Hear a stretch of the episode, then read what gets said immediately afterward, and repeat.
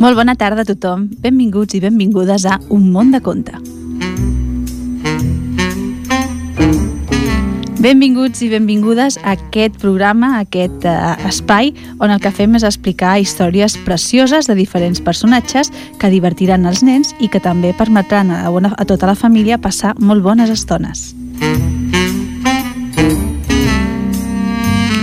Sabem que us agrada molt el programa i tenim tres opcions perquè el pugueu escoltar, perquè tot i que us agrada molt, doncs potser algun dia no esteu el dimecres al costat de la ràdio per poder escoltar-nos.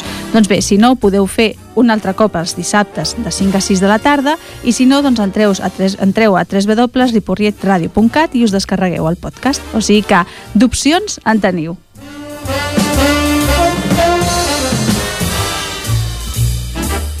Us explico ràpidament què és el que hem preparat per aquesta tarda tan assolellada eh, que tenim avui. Hem, hem preparat quatre històries, quatre contes extretes del llibre Em vols explicar un conte? I la primera és La bruixeta, seguirem amb el Tobies i la sireneta, Una nit us atraparé i El doctor Bux i la girafa. I avui, a la part musical, doncs hem portat quatre veus, perdó, tres veus, tres, eh, bueno, tres divas del jazz que estaran amb nosaltres amb els seus temes, doncs amb aquesta melangia característica del jazz. Oh, but I watch him so sadly es tracta de la Madeleine Pirux, la Diana Kroll i la Melody Gardot. Eh, elles estaran avui al llarg del nostre programa amb els seus temes, com us dic, doncs una música bueno, doncs que potser té una mica de melangia, però que de veritat que bueno, és un gust escoltar aquestes veus i aquestes grans divas del jazz.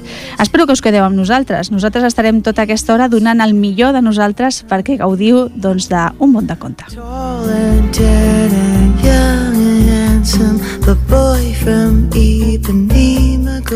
la setmana passada dèiem que estàvem de celebració perquè el diumenge, i de fet aquest dimarts, doncs, bueno, se celebrava el Sant Jordi, no? el primer Sant Jordi a la Rambla, com fem aquí cada any a Ripollet, i després doncs, la Diada de Sant Jordi. La veritat és que aquesta celebració encara continua, perquè hi ha moltes escoles de Ripollet doncs, que encara continuen fent activitats relacionades amb la celebració del Dia Internacional del Llibre de la Diada de Sant Jordi. S'han fet intercanvis de llibres eh, o, o alguns grups doncs, han explicat el seu conte preferit a la resta de, dels nois i les noies de la seva classe o fins i tot alguns han fet una petita representació. I com us dic, doncs, aquestes activitats encara continuen. De fet, crec que això és molt bona idea perquè el que fan doncs, bueno, és crear en els infants aquest hàbit de lectura. A part d'això, a part del treball que es fa a les escoles, a casa també es pot fomentar aquest hàbit, aquest hàbit per la lectura. I el primer pas que s'ha de fer doncs, és que els nens i les nenes ens vegin llegir. Si no tenim l'hàbit nosaltres o l'hem aparcat temporalment, doncs, bueno, cal desempolsar-lo i redescobrir aquell desig de tenir 5 minuts lliures per enganxar-nos al nostre amic, al llibre, i assaborir doncs, l'amor, l'emoció, el misteri, l'aventura. Diuen que quan hom coneix aquest plaer és difícil que no busqui compartir-lo. La primera lectura que fan els nens quan són ben petits doncs, és oral, amb les cançons que, que se'ls expliquen, que, sí, que se'ls hi canten, i els contes senzills doncs, que intentem transmetre'ls, quan encara doncs, són nadons i, i ells escolten amb atenció. Més endavant, doncs, aquesta bueno, aquesta recepció és de bé oral i visual i doncs, es fan servir llibres d'imatges, de roba de cart o cartró i els pares i les mares o els familiars deixen volar la imaginació inventant-se històries de cada imatge que desperten en el nen una infinitat de, de plaers i d'emocions. Sobretot del que es tracta també és de que nosaltres gaudim amb la lectura, que gaudim amb ells i aleshores doncs, que aquesta sensació plaents que s'associen i que s'engloben amb la lectura doncs, bueno, també ens acompanyin en aquest moment que, que estem doncs, amb els infants. A mesura que el nen creix, els contes van sent més complexos i bueno, doncs apareixen les lletres i cal que els adults doncs, estiguem al costat per ajudar-los a llegir o que els llegim tot el temps. I no cal córrer a fer que ells llegeixin, és a dir, els, els nens han d'aprendre a llegir per gust i, i no per obligació. Ara el que cal a partir d'aquí doncs, és fer que la lectura els atrapi, no? doncs que amb ells també els hi sembli doncs, una estona per passar-ho bé, per relaxar-se i que per tant doncs, vegin que compartir aquest interès per la lectura doncs, crea molta complicitat, molta unió també i també doncs, una satisfacció que pot ser entre pares i fills, entre avis i nets, eh, amb els cosins i de fet doncs, bueno, són moments molt familiars que, que fan doncs, que la lectura esdevingui doncs, aquest hàbit pels infants. Des d'aquí, des de l'Un Món de Conte, us convidem a que eh, expliqueu contes als nens, a que els feu llegir, a que vegin doncs, que la lectura és això, eh, doncs, una estona per divertir-se i per passar-ho bé, i que els llibres, al cap i a la fi, doncs, són els nostres amics.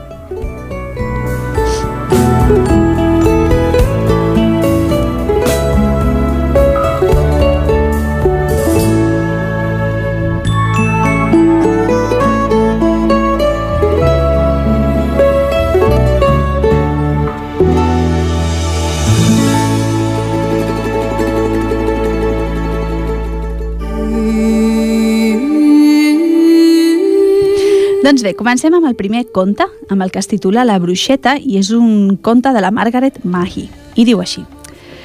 La gran ciutat era a les fosques. Fins i tot els fanals dels carrers s'havien apagat.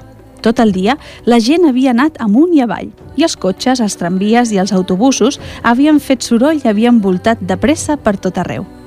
Però ara tothom se n'havia anat a dormir i només el vent, les ombres i un gat petit voltaven pels carrers buits i solitaris. El gat va empaitar un tros, de, un tros de paper com si fos un ratolí. El va tocar amb les potes i el paper va anar a parar darrere una galleda d'escombraries. Ràpidament el va empaitar, però després se'n va oblidar, perquè havia trobat una altra cosa. «Què és això?», li va preguntar el vent. «Aquí dormint darrere la galleda d'escombraries. És una cosa que no havia vist mai». El vent feia voleiar un diari, però el va deixar estar i van a veure-ho. Hi havia grans ombres amenaçadores per tot arreu. Ah, va dir el vent, és una bruixa. Mira, l'escombra. Però és una bruixa molt petita. El vent tenia raó, era una bruixa molt petita, una nena. La bruixeta va sentir el vent mentre dormia i va obrir els ulls. De sobte, es va despertar. Des de molt amunt, els ocells miraven el carrer de sota seu. Mireu, van dir les ombres als pardals de sota les taulades. Mireu la bruixeta, és una bruixeta massa petita per estar sola. Deixeu-me-la veure, va piular un bebè pardal, mig adormit. Dorm, li va dir la seva mare. No t'he fet sortir de l'ou perquè et dediquis a mirar bruixes tota la nit. I el va fer arraulir enmig de les seves càlides plomes. Però ningú no abraçava la bruixeta, que vagarejava enfredorida pels carrers buits, arrossegant una escombra d'una mida més grossa del que li corresponia. El gat va saltar damunt l'escombra. Llavors es va donar d'una cosa. «Vent!» va cridar. «Mira, per tot arreu on camina la bruixa deixa un rastre de flors. Sí, era veritat. La bruixeta tenia un gran poder màgic, però no havia après a utilitzar-lo correctament ni a amagar-lo, perquè ni tan sols havia après a parlar. Per això, a tot arreu on posava els peus, creixien campanetes, romaní, violetes, lliris blancs i petites roses de color rosa i blanc. A través dels carrers, al llarg del camí, de tot arreu venien papallones per ballar i veure. Què és allò d'allà baix? Va preguntar una arna petita. És una bruixeta que ens ha preparat aquest bonic banquet de colors, va contestar una esparracada arna vella. El vent l'anava seguint i jugava i feia jocs de mans amb les flors i les seves olors dolces. Ho escamparé per tota la ciutat, va dir. I mentre dormien, la gent olorava les flors i somreia perquè tenia somnis bonics. Ara, la bruixeta va mirar amunt, cap als edificis alts. Les finestres la van mirar amb menys preu i les seves formes quadrades i punxegudes semblaven enfadades. Ella les va assenyalar amb el dit. De sobte, a les esquerdes van aparèixer llargues tiges sermentoses i fulles verdes. A poc a poc s'hi van anar obrint flors, grans flors vermelles, com ara roses que feien olor de mel. La bruixeta va riure, però al cap d'un moment es va tornar a posar seriosa. Estava tan sola però quan el gat va córrer i li va saltar damunt dels peus rosats i nus, la bruixeta va veure que tenia un amic. Arrossegant l'escombra perquè el gat hi pugés, va anar volant i deixant un rastre de flors. Llavors la bruixeta es va aturar al mig del carrer. Era molt petita i s'havia perdut i tenia fred amb la seva túnica blava i els peus descalços. Va assenyalar la torre del rellotge de la ciutat i la va convertir en un enorme avet i l'esfera del rellotge es va tornar un mussol blanc que la va saludar i se'n va anar volant. El mussol va volar tan ràpid com el vent fins a un gran castell fosc, situat dalt d'un turó. A la finestra hi seia una bruixa prima i cansada, que miraven fora enmig de la nit. On, on és la meva bruixeta? Hauré de sortir a buscar-la una altra vegada. El mussol li va dir, hi ha una bruixeta baix a la ciutat i ho està encantant tot. Què dirà la gent demà? La bruixa va viatjar amb el seu pal d'escombra a través del cel i damunt la ciutat, mirant amb impaciència cap avall a través de les boires. Lluny, a sota, va poder veure la bruixeta corrent i amagant-se als portals perquè el gat l'empaitava. La bruixa va volar cap avall, cada cop més avall, fins al portal d'una botiga. La bruixeta i el gat es van aturar i la va mirar. Tu ets la meva estimada bruixeta perduda, va dir la bruixa amb la seva veu vellutada i li va allargar els braços. I la bruixeta, la bruixeta va córrer a abraçar-la. Ja no estava perduda. La bruixa va mirar la ciutat encantada, al seu voltant, i va somriure. Ho deixaré tal com està, va dir. Demà tothom tindrà una sorpresa. Després va fer enfilar la bruixeta dalt del seu pal d'escombra i el gat també hi va saltar. I tots plegats se'n van anar cap a casa, al gran castell que tenia les finestres negres com la nit, i van viure feliços allà per sempre més. I l'endemà, sabeu què va passar l'endemà? L'endemà, quan la gent es va llevar i se'n va anar a treballar, la ciutat estava plena de flors i de ressons de rialles.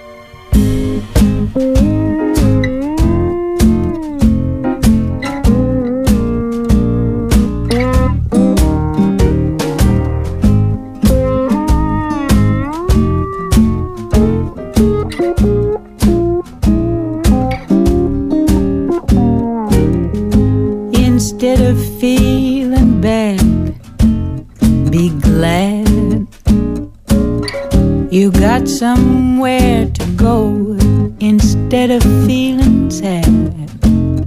Be happy, you're not all alone instead of feeling low.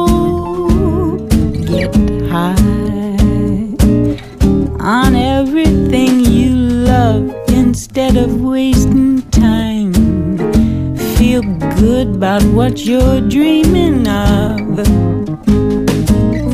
instead of trying to win something you never understood.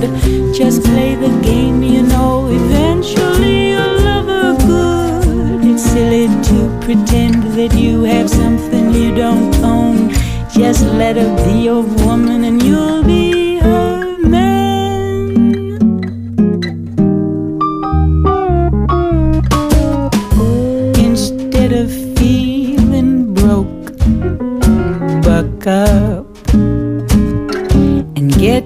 yourself in the black instead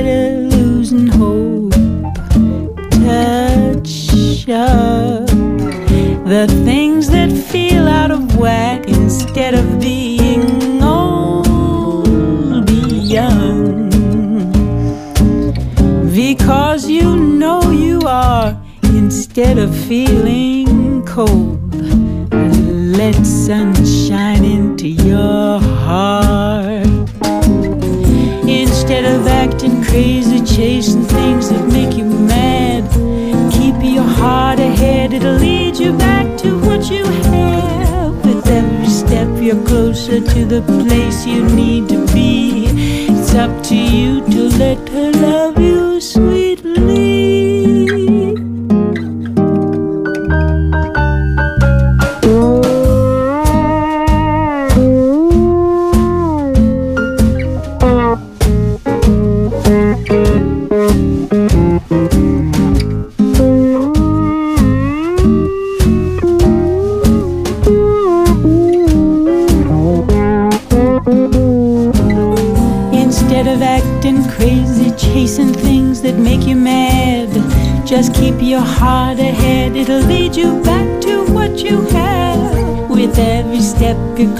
To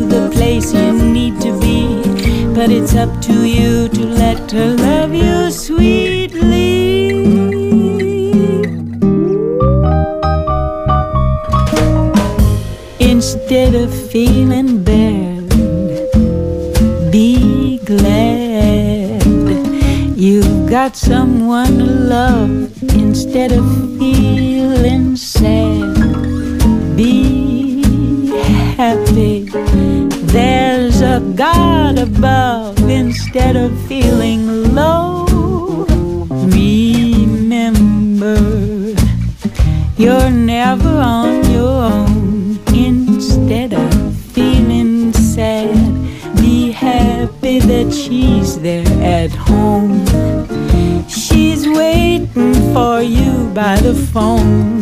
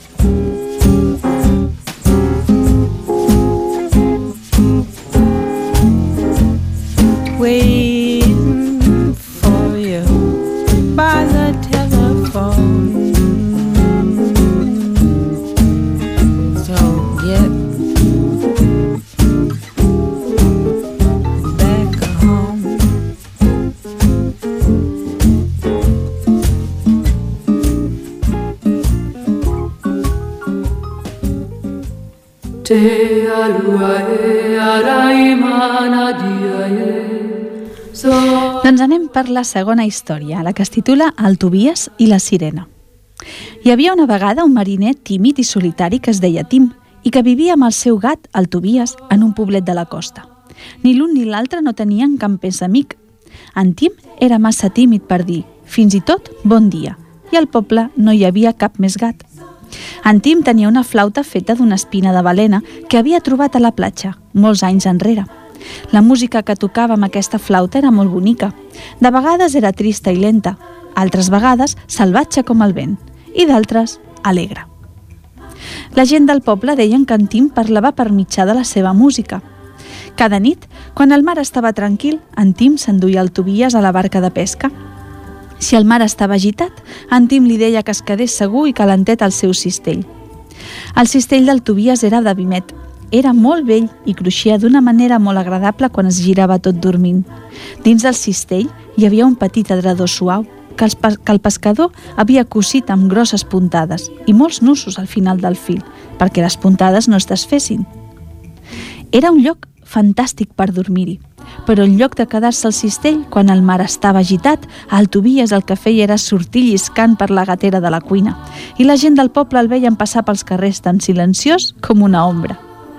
El Tobias se n'anava al capdamunt del penya-segat i s'hi asseia tota la nit esperant que la barca del mariner, l'Ariel, tornés segura al port. Sovint, a l'alba, el mar s'havia calmat i el Tobias podia seguir el pescador, que tocava la seva flauta.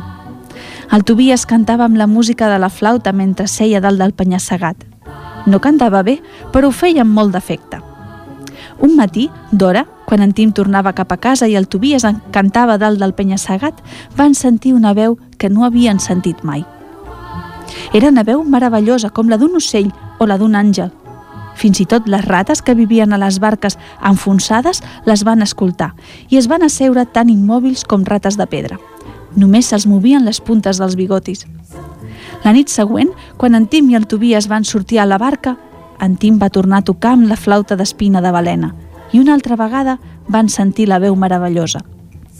Van mirar dins l'aigua fosca i van veure una sirena que nedava al costat de la barca.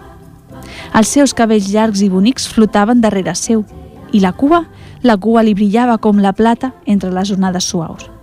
Cantaven la música de la flauta, però quan en Tim va adreçar la barca cap a la costa, ella es va girar amb un fort cop de cua i es va capbussar dins del mar. Aquella nit, mentre en Tim i el Tobias seien a la seva cabana, en Tim va dir si poguéssim tenir la sirena sempre amb nosaltres, podria ser la nostra amiga.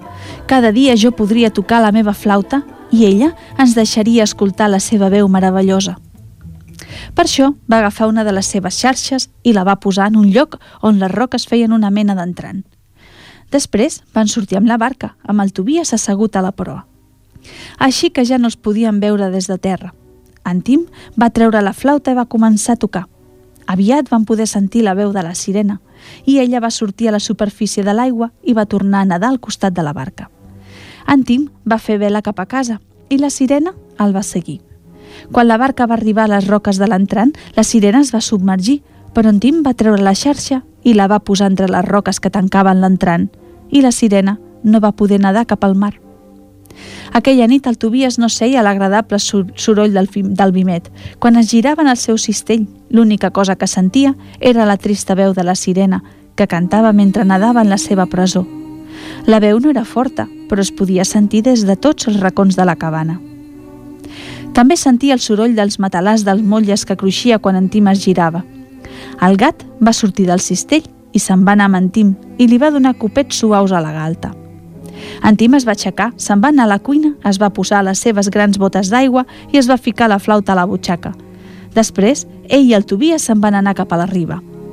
Quan hi van ser, el Tobias va pensar que sentia el so d'un nen que plorava, però no hi havia res a la platja, tret dels residus marins, les algues i els animals marins que s'havien quedat dins petits bassals brillants. Quan van arribar a l'entrant, en Tim es va seure en una roca i va començar a tocar, però la sirena no es va posar a cantar.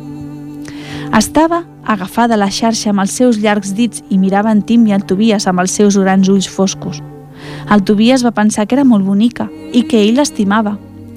Al cap d'una estona, en Tim es va tornar a posar la flauta a la butxaca i ell i el Tobias van anar cap a casa. Pel camí van sentir que la sirena cantava una melodia que semblava una cançó de bressol. I en les pauses de la música se sentia la veu d'un infant que plorava. «Mama, mama, aquella nit, quan en Tim se'n va anar a la barca, el Tobias es va seure en el penya-segat, encara que el mar estava tranquil. Quan l'Ariel es va perdre de vista, va començar a cantar una cançó de gat i després la música de la flauta i la cançó trista de la sirena atrapada a la xarxa.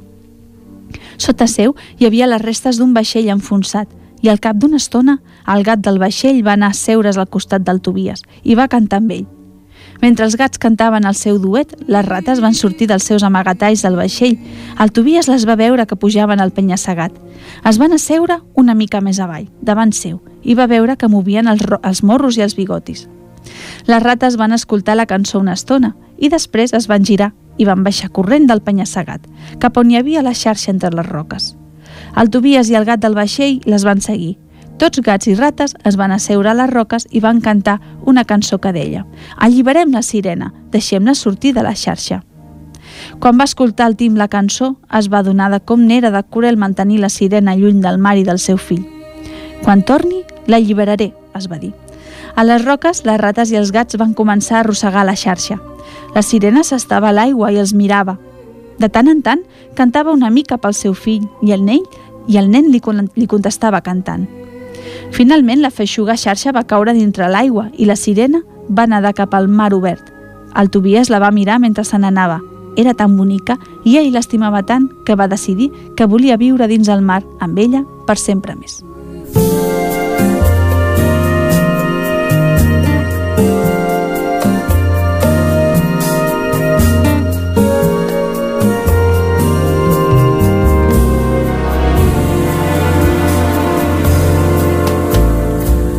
Tall and tan and young and handsome The boy from Ipanema goes walking And when he passes each girl he passes goes Ah. When he walks it's like a samba That swings so cool and sways so gentle That when he passes each girl he passes goes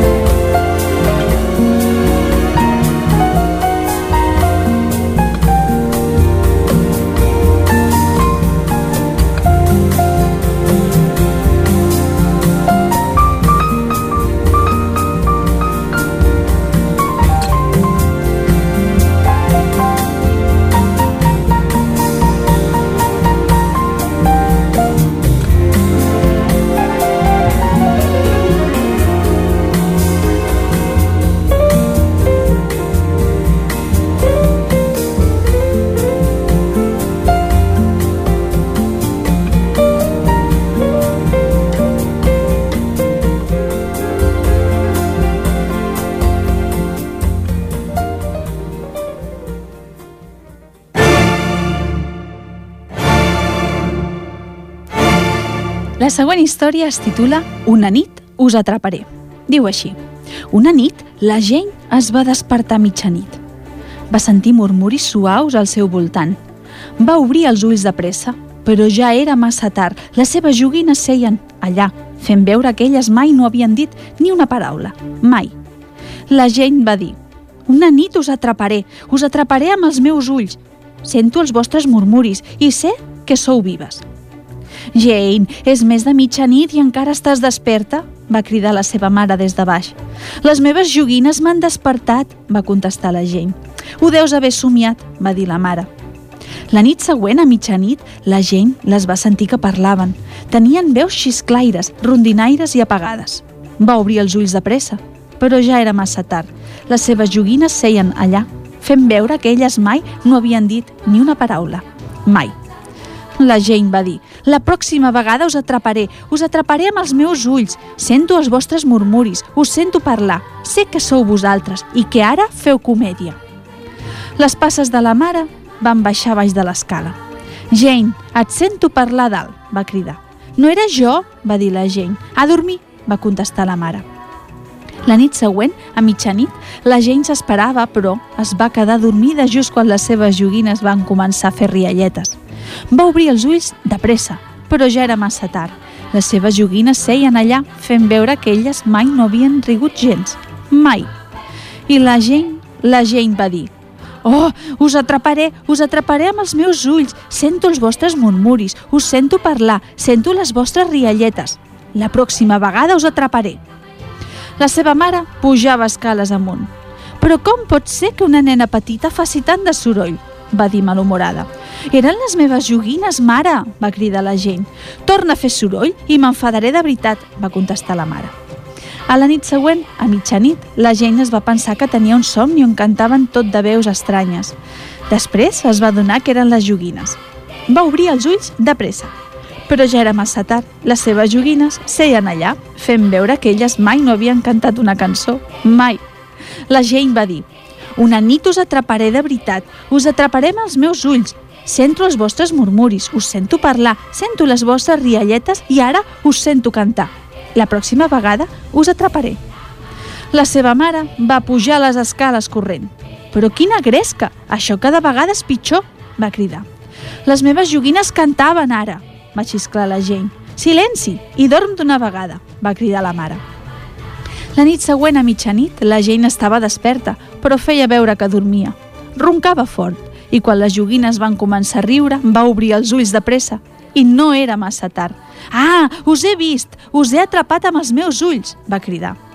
Les joguines semblaven sorpreses. Després, totes es van posar a riure i volien jugar. Juguem a saltar sobre el llit. Podeu saltar tan amunt, oi? O així, va dir la Jane. Saltaven cada vegada més amunt i reien cada vegada més fort. La mare de la Jane va pujar les escales com una bala. No m'ho puc creure! Com pot ser que una nena petita faci tant de soroll?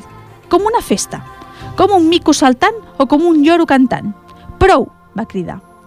Va obrir d'una revolada la porta de la Jane, però ja era massa tard. La Jane i les joguines estaven estirades fent veure que mai no havien saltat, ni rigut, ni parlat, ni tampoc murmurat. Mai, mai.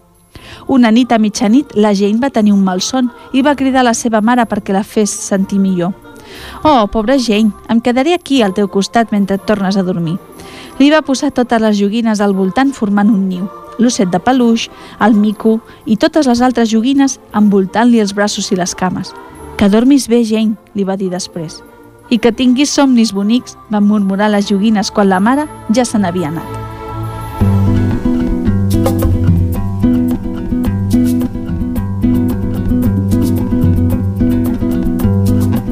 If the stars were mine, I'd give them all to you.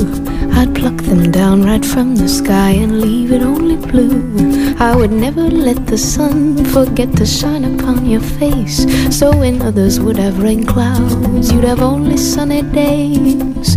If the stars were mine, I'd tell you what I'd do. I'd put the stars right in a jar and give them all to you. If the birds were mine, I'd tell them when to sing. I'd make them sing a sonnet when your telephone would ring. I would put them there inside the square whenever you and I, so there'd always be sweet music whenever you'd walk about. If the birds were mine, I'd tell you what I'd do.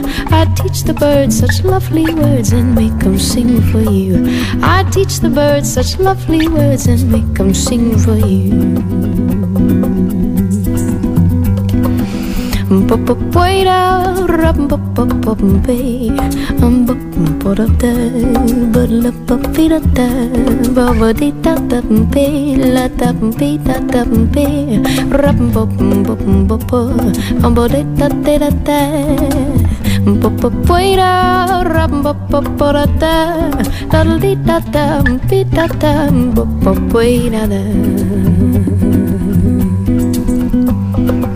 If the world was mine, I'd paint it gold and green. I'd make the oceans orange for a brilliant color scheme. I would color all the mountains, make the sky forever blue. So the world would be a painting, and I'd live inside with you. If the world was mine, I'd tell you what I'd do. I'd wrap the world in ribbons and then give it all to you. I'd teach the birds such lovely words and make them sing for you. I'd put those stars right in a jar and give them all to you.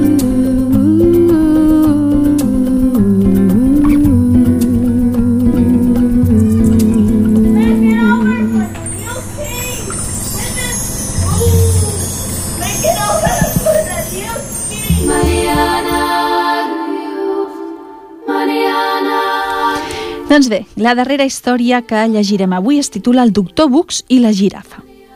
El meu amic, el doctor Bux, el veterinari, viu en una gran casa amb un munt d'animals, gossos, gats, llangardaixos, bocs, etc. El doctor Bux no és l'home més intel·ligent del món, però fa el que pot. Doncs bé, aquesta és la història d'en Bux i la girafa malalta. Un matí, bastant tard, el doctor Bux estava ajagut al llit amb uns quants gossos i hàmsters quan va sonar el telèfon. Soc en Bux, va dir. Què volia? Xuxu, xuxu, va contestar el telèfon. Ai, no entenc res del que diu, va dir en Bux. És que portava l'estatoscopi a les orelles. Sempre el duia posat per tenir-lo en un lloc segur. Se'l va treure i el va donar un gos perquè l'aguantés. Truquem del zoològic, va dir el telèfon. Tenim una girafa malalta. I què li fa mal? va preguntar en Bux. Al coll, va dir l'home del telèfon. Ostres, va exclamar el doctor, ja m'ho pensava. Bé, que ens podria ajudar? Sí, sí, ara vinc, va contestar en Bux i va penjar el telèfon. Apa, nois, va dir en Bux als gossos, anem al zoològic. Se'n van a baix a buscar el cotxe esportiu del doctor Bux i tots es van ficar dins. Tres dels gossos es van asseure a la falda d'en Bux. Sortiu d'aquí, nois, va dir en Bux, que no em deixeu conduir. I després se'n van anar. En Bux conduïa molt de pressa perquè era una emergència. Pel camí va tenir una idea. Ell no era pas beneit i com que no hi tenia gens de pràctica en girafes, va pensar que es podria entrenar en un pal de fanal. Per tant, va aparcar el cotxe al costat d'un dels pals de fanal més alts de la ciutat. A veure, va dir en Bux. Va córrer cap al pal del fanal i ràpidament hi va pujar. Ah, és fàcil, va cridar en Bux. Està força bé, oi, nois? Però quan va mirar avall cap als gossos del cotxe, li va semblar que eren molt lluny i el doctor Bux es va espantar i es va agafar ben fora el pal del fanal. Els gossos esperaven que baixaria, però ell no sabia com fer-ho, i aleshores va arribar un policia. «Què hi fa aquí dalt?», va preguntar. «És que m'entreno», va contestar en Bux. «Aquest matí haig d'enfilar dalt d'una girafa i aquesta doncs m'ha semblat una bona idea». «Ah, és una excusa ben curiosa», va comentar el policia. «Baixi de seguida». «No puc», va dir en Bux. «Tinc por». Llavors el policia va anar a avisar els bombers i aviat van arribar amb el seu cotxe vermell. Ja em pensava que no vindríeu mai, que no vindríeu mai, va dir en Bux. Els bombers van aixecar l'escala gran i en Bux hi va posar un peu amb compte. Uf, moltes gràcies, va dir. Què us semblaria portar-me al zoològic? Ah, molt bé, van dir els bombers, que no tenien cap feina pendent aquell matí. Llavors, els gossos es van ficar dins el cotxe de bombers i tots plegats se'n van anar cap al zoològic amb en Bux agafat a l'escala. Això és fantàstic, es va dir en Bux mentre avançaven volant per la ciutat fent sonar la sirena. Quan van arribar al zoològic, van anar amb el cotxe on era la girafa, que llavors encara es va trobar pitjor i es va posar bastant de mal humor. Però en Bux va treure el seu pot de liniment. L'etiqueta deia fregues de coll de doble efecte del doctor Bux i va fregar el coll de la girafa. Ai, va dir la girafa poc després. Ara ja està millor, va comentar en Bux. Moltes gràcies, doctor, va dir l'home del zoo. Molt bé, amic Bux, van dir els bombers. I tots els gossos se'l van, se van quedar a mirar molt alegres. No té importància, va dir en Bux. Algú vol venir a casa meva a menjar una mica? Tots van entrar dins el cotxe dels bombers i se'n van anar cap a casa del doctor Bux, on van beure llimonada i es van menjar tres galetes cada un del gran pot de galetes que tenia el doctor Bux. Tothom menys ell. En Bux se'n va menjar cinc perquè es mereixia un premi després d'un matí tan atrafegat.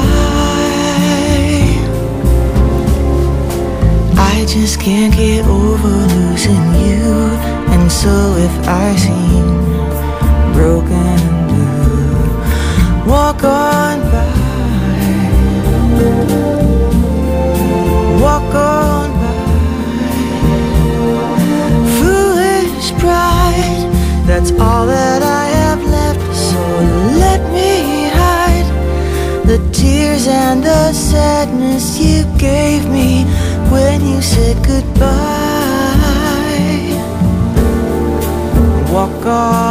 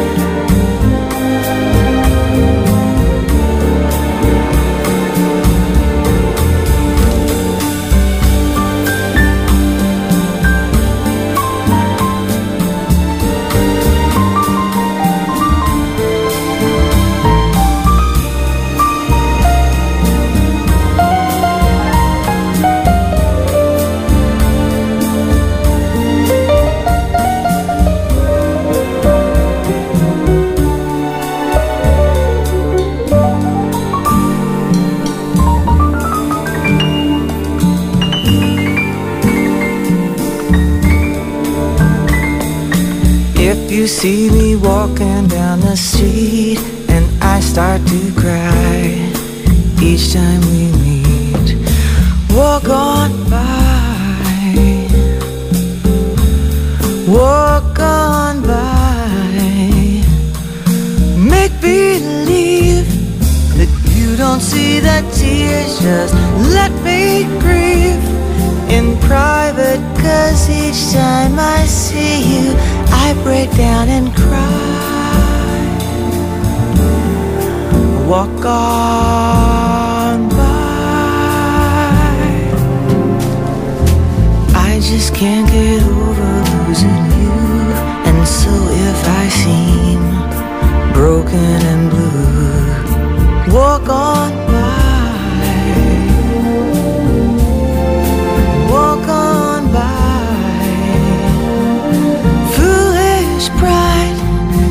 all that I have left. So let me hide the tears and the sadness you gave me when you said goodbye. Walk on by. Walk on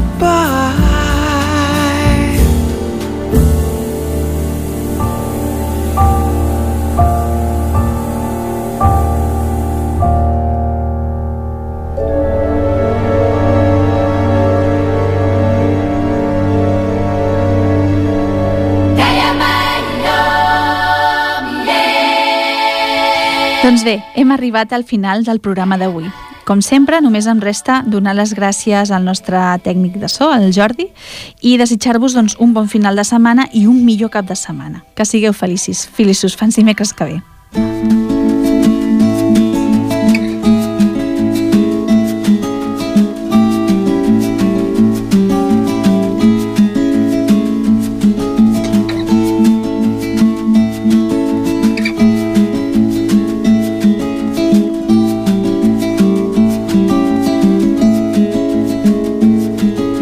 your keys under the house. Lose the button from your blouse. Lose the plastic diamond ring from the parade. Lose the color in your lips. Lose the swinging in your hips. But if you lose me in your grips, I must be saved. Lose the harmonies we learned. Lose the taste of bread you earned. Lose the stash you always kept but never craved. Lose your rhythm, lose your lines, lose your sense of passing time.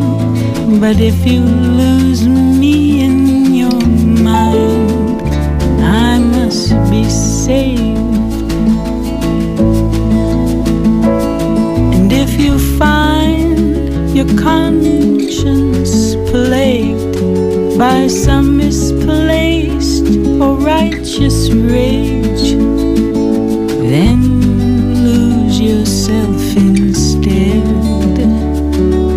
till you remember to forget.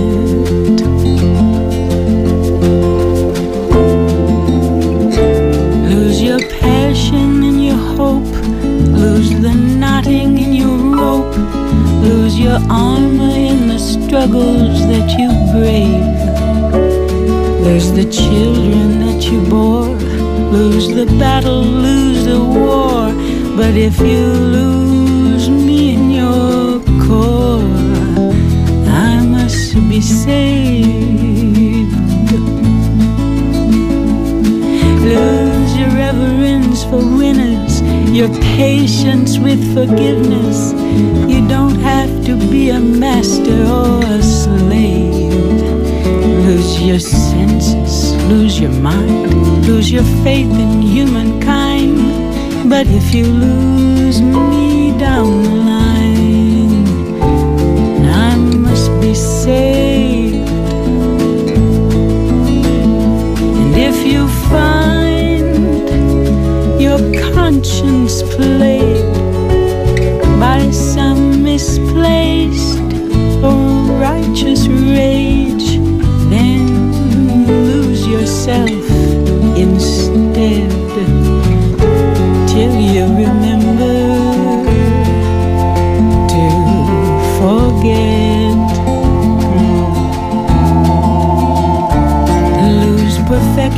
for a start. Lose the dream you kept apart. Lose the chance to find another who behaved. And then if you haven't yet, lose your loser's last regret. For if you lose me in your net, I must be saved. Lose the vows we never spoke. Lose the punchline to the joke. Lose your innocence as if willing.